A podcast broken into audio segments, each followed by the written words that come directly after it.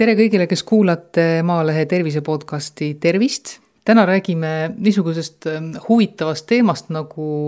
see, kuidas inimesed arstiabi vajavad või missugust äh, arstide poolset nõuannet nad üldse vajavad, kui nad näiteks on puhkusel, on oma perearstidest äh, võib-olla eemal ja leiavad selle abi siis äh, kusagilt sellisest kohast, kus nad parasjagu sattunud on selles osas on abiks äh, rääkimas perearst Madis Tiik, tere päevast! tere! Liis Seljamaa on saatejuhiks. no me oleme praegu siin Hiiumaal, mis selles mõttes ei ole nagu oluline, et äh, perearstid on ju igal pool ühesugused, aga selles mõttes on jällegi eriline, et Hiiumaale satub äh, suvehiidlasi, aga satub ka neid, kes tulevad nii-öelda nagu lühemaks ajaks, et siis võivad nad perearsti abi vajada kiiresti nende enda perearst on kaugemal ja siis pöörduvadki nad kohalike perearstide poole, et see ilmselt on selline päris tavaline asi või? no ma ütleks niimoodi, et, et, et aasta-aastalt on seda tegelikult vähemaks jäänud, sellepärast et ma eeldan, et see põhjuseks on see, et, et perearstide kättesaadavus nii-öelda oma patsiendile on on laienenud erinevate digitaalsete kanalite kaudu. Eh, ehk siis see kommunikatsioon arsti ja perearsti ütleme ja patsiendi vahel ei pea olema ilmtingimata see, et ta füüsiliselt kohale tuleb. aga jah, ikka neid juhtub, et kes on tulnud puhkama ja siis avastavad, et näiteks autojuhi load on eh, järsku ära lõppenud või on politsei neile meelde tuletanud, et oleks vaja uuendada seda ja siis esimene samm on tervisetõendit tegema ja ei pea sellepärast siis võib-olla Eestimaa teise otsa sõitma, et, et seda uuendada ja, ja satuvad siis nii-öelda teise perearsti juurde. või siis ka lapsed saadetud vanavanemate juurde suve veetma või lastelaagritesse ja noh, kellel on puuk ja kelle, kes on lihtsalt ennast kriimustanud natuke, et, et ka selliseid asju nagu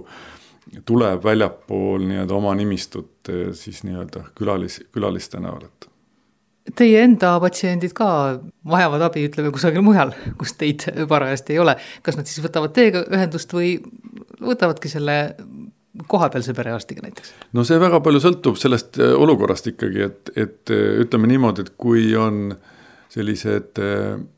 kroonilised haigused ja näiteks on retseptid otsa saanud, siis enamasti inimene ikkagi kontakteerub oma perearstiga. ja nüüd Terviseagentuuris on äh, meil käibel veel selline e eelvisiidi nimeline teenus, kus on võimalik digitaalselt eh, need asjad nii-öelda tellida ja, ja asju ajada siis perearstiga eh, digitaalset kanalit mööda. nii et, et, et nende inimeste võimalus on nagu veel laiem, et nad ei pea ka telefoniga helistama, vaid saavad siis eh, meie kodulehe kaudu siseneda ja oma mure seal ära kurta. nii et, et neid on erinevaid, et, et tõenäoliselt on ka neid, kes vajavad esmaabi nii et nendel on siis valik, kas siis kohapealne perearst või siis äh, haiglasse erakorralise meditsiini valvetuppa siis nii-öelda minna, et. et mõlemat kasutatakse, võib-olla, võib-olla isegi see valvetuba on isegi võib-olla tuntum, et, et hakata otsima siin, et kus see perearst on ja, ja millal ta vastu võtab ja alati ei pruugi teda kohe nagu kätte ka saada, eks, et, et siis tõenäoliselt see suhteliselt kergekäeliselt ikkagi minnakse ka sinna EMO ukse taha no ütleme, Hiiumaa on küll väike koht, eks ole, aga ikkagi, kui on vaja ühest saare otsast teise minna, eks ole, oled Käinas, see erakorraline meditsiiniabi on äh, Kärdlas, seda siin ei ole, noh, öösel tõenäoliselt tuleb ikka sinna minna, aga päeval ilmselt tullakse siia siis. nojah, ikka, ikka enam-vähem ikkagi nii-öelda tööpäeval, töö, töö ajal, siis ega need inimesed ju on ka siin võib-olla kellegi juures ja keegi oskab ikkagi öelda, et näed, et, et seal on arstipunkt ja, ja lähme sealt läbi või, või helistab, teab vähemalt numbrit. et noh, igasugused juhtumid on, et eh, ei saa nagu selliseid üldistusi teha, et nüüd suvel nagu hirmus palju nagu need eh, võõrad patsiendid siis meie eh, aega kulutaks, aga neid aeg-ajalt ikka satub siia. kas see võib tähendada seda ka, et inimesed on tegelikult ütleme, teadlikud, noh, kui tegemist on mingisuguste krooniliste tõbedega, siis äh, tõenäoliselt inimesed on noh, nagu harjunud. Ja see, et oma tervise eest hoolitsemine on nende jaoks nagu selline rutiinne asi, aga et, et muidu ka inimesed, noh, te ütlesite küll, et võib-olla lapsed saadetakse kuskile vanavanemate juurde ja nii edasi, aga üldiselt ikkagi vanemad mõtlevad selle peale ka, et kui pikaks ajaks on ära saadetud, et siis kuidas ja mis, kui peaks tervisega midagi juhtuma no ma usun küll, et, et nüüd äh, perearstisüsteem on Eestis äh, nii pikalt olnud, et ma arvan, vist kakskümmend viis aastat äkki saab juba täis, eks. et inimesed on ikkagi harjunud muredega oma perearsti poole pöörduma ja ikkagi enamasti see, see kontakt on selline, et, et see võimaldab ka seda suhtlust siis äh, distantsilt, noh, kas helistades või, või, või e-kirja saatmisega või siis nende uute digilahenduste kaudu. Nii et, et, et see kontakt on tihe ja, ja võib-olla noh, ka nii-öelda mõeldakse selle peale ette, et noh, ravimid kaasa võtta, eks võib-olla kui laps läheb laagrisse, et siis talle ka sõnad peale lugeda, et, et, et kõigepealt ma ei tea, vanematele helistada ja, ja, ja siis lähema kohaliku arsti juurde minna või ehk see mingisugune ettevalmistus peab ikkagi olema, kui inimene kodust ära läheb, siis eh, samamoodi nagu autole pannakse kütusepaak täis, siis tuleks tegelikult mõelda ka selle peale, et kui puhkuse ajal midagi juhtub, et, et kus siis arstiabi saab no te muidugi teete siin selliseid äh, asju ka, noh, ütleme nagu näiteks vaktsineerimine või, et kui tuleb keegi inimene, et te siis saate selle ka nii-öelda nagu ära sooritada, kui seda tõesti peaks vaja olema? Nojah, see ilmselt sõltub sellest, mis vaktsiinist me räägime, et, et meil ei ole külmikus äh, vaktsiine igaks juhuks, vaid need alati tellitakse, eks. kui noh, suvel äh, tihtipeale avastatakse, et, et vot puugivaktsiini on vaja teha nüüd, et nüüd, nüüd leid-, siis kui esimene puuk leitakse, et millal mul viimane vaktsiin oli, eks. et kui see info on olemas, siis eh, põhimõtteliselt eh, ja kui apteegis on eh, see vaktsiin olemas, siis me saame retsepti kirjutada, inimene toob selle meile ja me teeme selle süsti ära. Aga noh, need asjad tuleks ka juba ennem teha, eks, et, et ega siis see vaktsiin ju kohe päevapealt mõjuma ei hakka, eks see võtab natuke aega, eks, et et selles suhtes on, on, et kui reisima minnakse, siis küll nagu reisivaktsiinid kui selline, eks, et, et noh, mõeldakse, mis piirkonnas on, eks, ja võib-olla tehakse varakult, aga ega meil selle vastu midagi ei ole, kui keegi tahab mõnda vaktsiini teha, aga lihtsalt küsimus on see, et kas meil on seda ja kas me saame seda noh, ja millal saame, eks kas äh, üldiselt inimesed, kui me räägime nüüd mitte siis otseselt äh, haigustest, vaid üleüldse asjadest, mis võivad puhkust mõjutada, et äh, selle peale inimesed ikka mõtlevad, noh, kõige tavalisem suvel on muidugi see, et võidakse saada mingisugune eriti massiivne päikesepõletus näiteks või midagi sellist, et selle peale inimesed ikka mõtlevad. Või las olla see päike, et lähen siis punaseks ja ongi kõik no jah, ei, ei satu nagu eriti palju neid ei, siia küll selles suhtes, et kes oleks nüüd nii-öelda väga ära kõrbenud või päikse kätte magama jäänud või niimoodi, et, et ju siis ikka inimesed oskavad hoida ennast natukene, et, et päris selliseid, vähemalt sel, sel suvel küll ei mäleta, et oleks ühtegi niisugust juhtumit olnud, et no pruuniks teiseks juuniks hakkab, juuni hakkab nüüd vaikselt nagu läbi saama, aga ega seda põretavat päikest pole just eriti palju olnud ka. nojah, aga kui me vaatame kalendrisse, siis kõik on nagu loodus käib kalendri järgi, eks, et, et tegelikult võib-olla see kevad on olnud natukene tavapärasest erinev, et on väga aeglaselt see temperatuur tõusnud ja nagu ei ole olnud sellist plahvatust, nagu võib-olla mõni aasta on olnud siin juba aprilli lõpus viskab selle kahekümne viie peale, eks, ja aga tundub, et loodusele on see väga hästi mõjunud, et väga lopsakas on kõik, et, et lilli on palju, noh, kogu see heinataimede kasvamine on väga, väga hea. Nii et, et ei ole sellist kuumalainet olnud, nüüd vaikselt hakkab kruvima, eks, et kui suvi hakkab, ju siis tuleb soe ka, et ja, ja suvi kestab ju tegelikult septembri lõpuni, nii et, et saartel on see täiesti eh, selles suhtes paigas, et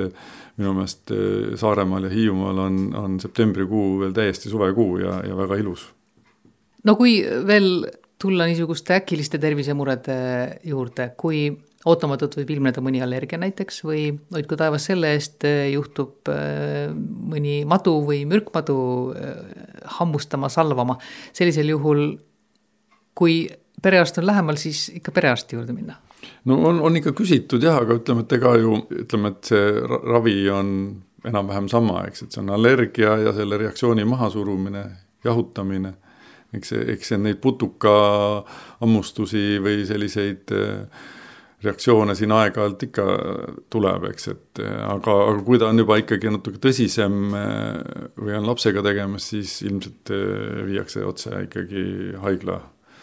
haiglamanu ja, ja tahetakse sealt abi saada, et, et selliseid, meil ei ole ka selliseid süstitavaid eh, vahendeid, et, et nüüd ütleme sellist tugevat allergilist reaktsiooni maha suruda ja et, et selline asi on ikka haigla haiglarida, et ma ei tea, kas haiglad, kõikides haiglates võib-olla ei olegi, aga enamasti ikkagi on ka mingi antiseerum olemas, et et seda reaktsiooni kiirendada, aga tavaline prednisoloon ja allergia mahasurumine on tegelikult täpselt sama tõhus, et ega seal midagi, meil ei ole selliseid mürgiseid madusid, kes, kes nii eluohtlikud on, et no ma ei tea, kui ikka rästik hammustab kuskil kaela, siis on natukene eluohtlikum. jah, aga see, see, see ohtlikkus on just sellest piirkonnast, eks, et, et see turse võib äh, hingamisteed kokku suruda, eks, ja, laste puhul see on ohtlik, eks, et, et selles suhtes on ta, aga tema mürk kui selline nagu ei ole, ei ole nii-öelda nii ohtlik, eks, vaid, vaid on just see piirkond kui näopiirkonda e-, ehk siis nii-öelda, et see turse, see reaktsioon sellele hammustusele põhjustab hingamisteede sulgemise, et noh, siis on ta ohtlik et kui jalg paiste läheb, see ei ole nii ohtlik, kui kael paiste läheb, ütleme selles kontekstis. selles, selles kontekstis küll, eks, et, et, et jalale saab, jala saab üles tõsta, rahu anda, külma panna, eks, aga kaela või nägu on noh, nagu külma saab peale panna, aga, aga rahu hingama peab ikka, eks, et kui, kui kõri on turses, siis, siis, siis on ikkagi ohtlik seisund. muide, kui tihti seda üldse ette tuleb, et äh, mingisuguste selliste rästikuhammustustega pöördutakse, saare peal elab ju madusid küll, ütleme, loodus on ka võib-olla selline, et noh, inimene läheb avastama seal kusagil mingisuguseid äh, matkaradasid ja eks maad ju elavad seal, liiguvad oma radu mööda, nii et inim-, inimese ja maa kohtumine võib äh, olla ohtlik küll. No praegu küll nüüd nagu ütleme, viimaste aastate jooksul ei tule meelde ühtegi juhust, et keegi oleks meie poole pöördunud, et, et küll on olnud inimesed käinud siis nii-öelda hiljem, tähendab selles suhtes, et nad on saanud abi haiglast, eks, ja siis on tulnud pärast noh, kas siis on nad tõesti olnud lausa töövõimetuslehel või, või lihtsalt on mingid järelmõjud nii-öelda, et siis on tulnud äh, aga mitte selle esmase probleemiga, nagu on nad ikkagi pöördunud eh, erakorralise meditsiini poole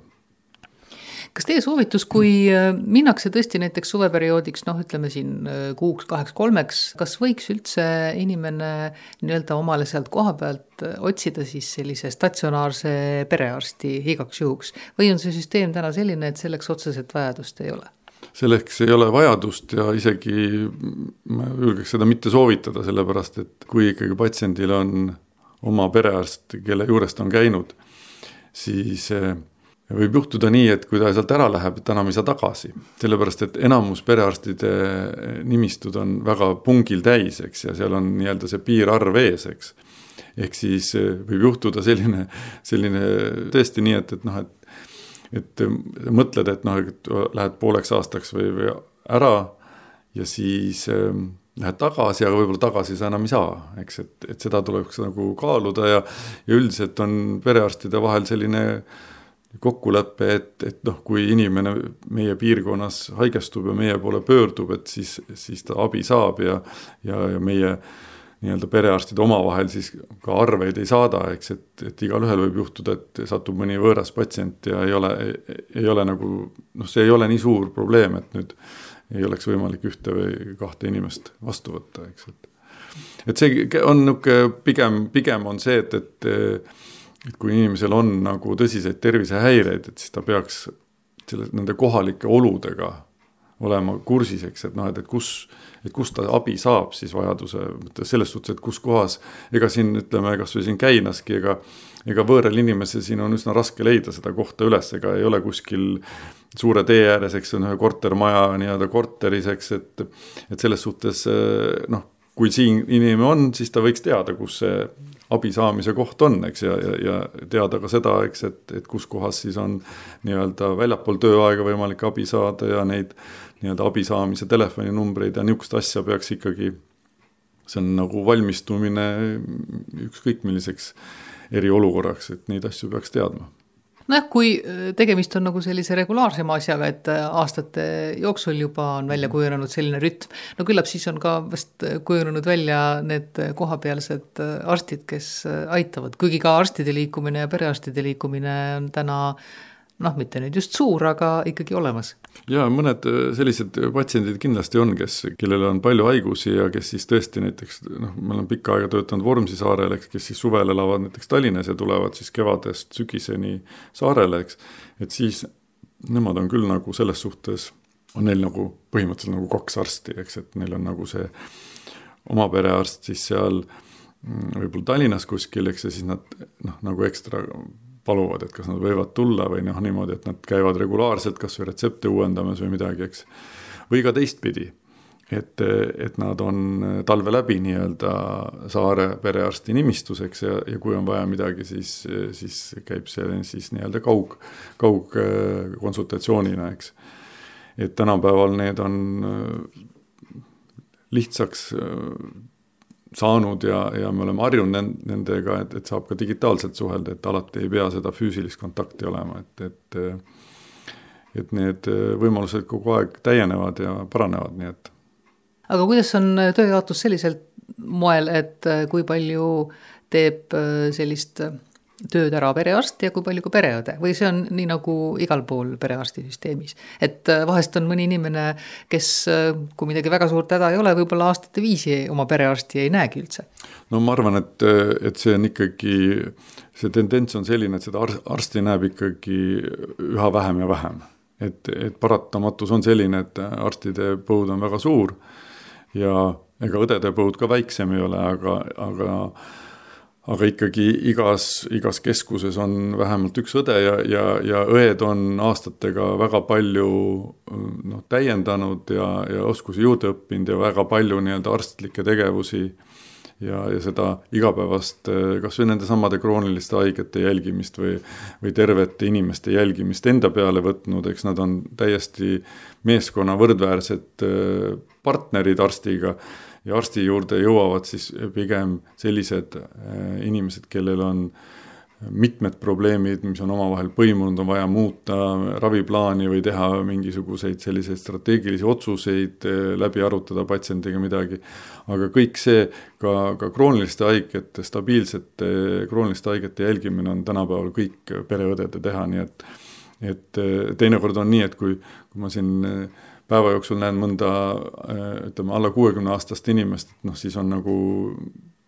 rõõm näha ka mõnda nii-öelda enam-vähem tervet inimest, et enamasti kipub olema ikkagi niimoodi, et minu juurde jõuavad need kõige haigemad, kõige keerulisemad lood, eks, ja ja, ja ma arvan, et see on igal pool nii eks muidugi sõltub ilmselt ka sellest, missugune see suvi parajasti tuleb,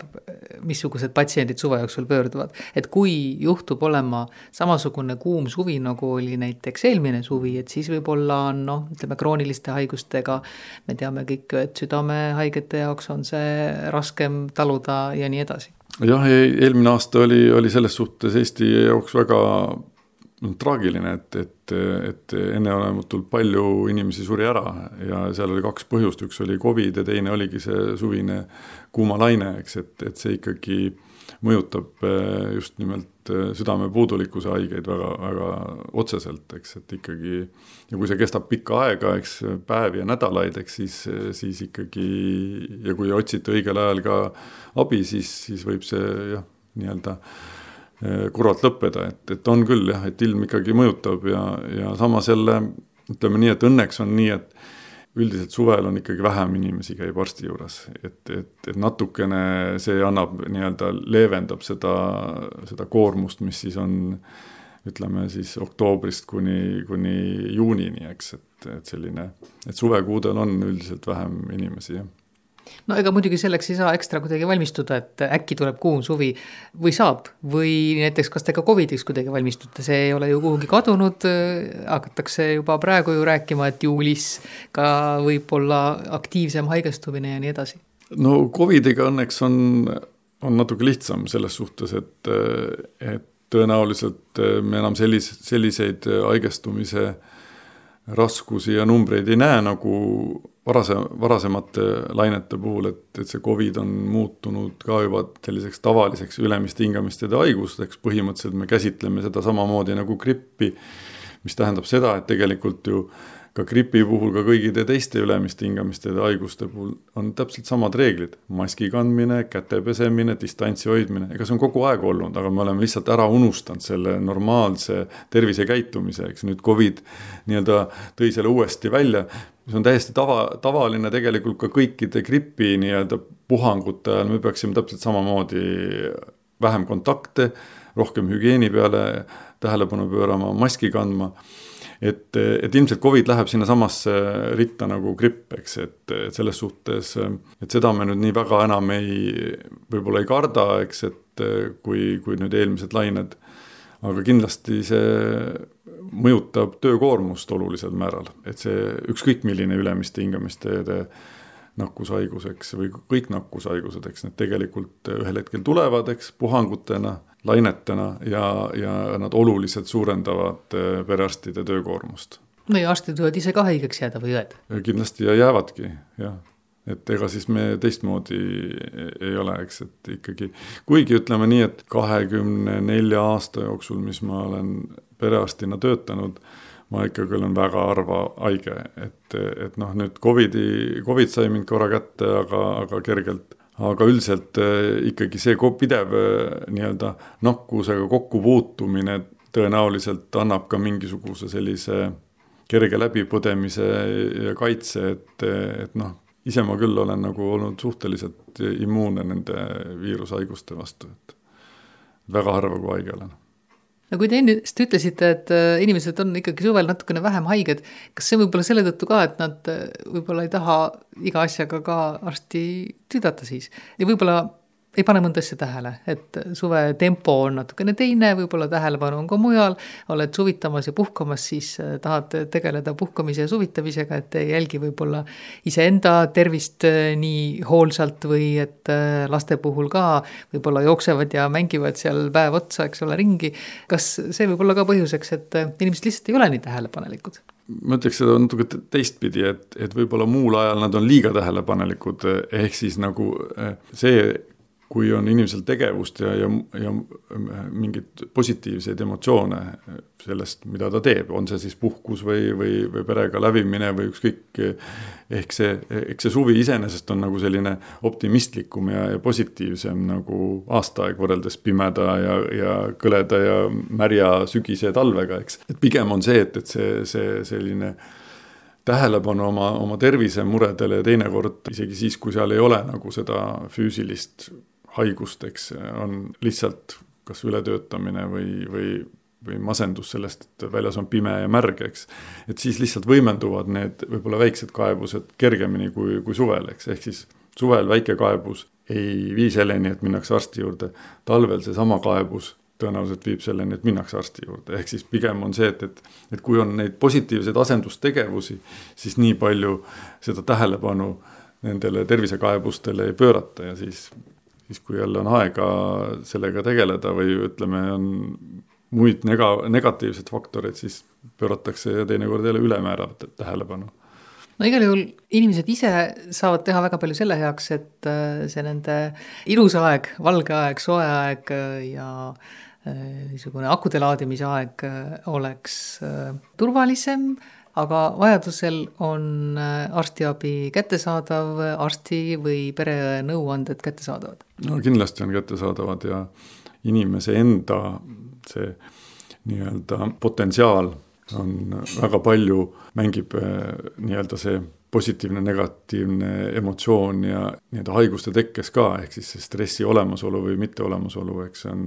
väga oluline faktor äh, haiguste kujunemisel, nii et, et, et ka muudel aastaaegadel, kui suvel on võimalik patareisid laadida, tuleb lihtsalt leida need õiged tegevused, eks, ja see õige motivatsioon iseendale. ja, ja vältida liigse ületöötamist, liigset stressi ja, ja siis, siis laabub ka see nii-öelda talvine periood äh, kergemini. Need võiks olla siis ka nii-öelda teiepoolsed soovitused heaks puhkuseks või heaks eluks? jaa, loomulikult tähendab, Hiina meditsiin äh, ütleb, et tegelikult kõik emotsioonid võivad põhjustada nii-öelda, mõjutada haigusi. liigne emotsioon, ka liigne rõõm või liigne heaolu võib haigusi põhjustada samamoodi nagu masendus või, või negatiivsed mõtted. et kõik liigsed asjad on, on nagu liiast, et tuleb leida see, see tasakaal äh, sisemine ja, ja seda siis jaotada ka seda energiat terve aasta peale, mitte, mitte olla suvel äh, nagu pilves ja õnnelik ja siis talvel mustas masenduses, et, et tuleb lihtsalt nautida tegelikult seda unikaalset loodust, mis meil on, et meil on neli, meil on reaalselt neli aastaaega ja nad on kõik niivõrd erinevad, et tuleb igast ühest leida see, see positiivne, eks, et see on soovitus, olge positiivsed. Aitäh, perearst Madis Tiik, soovin teile siis positiivseid, rõõmsaid ja terveid patsiente. tänan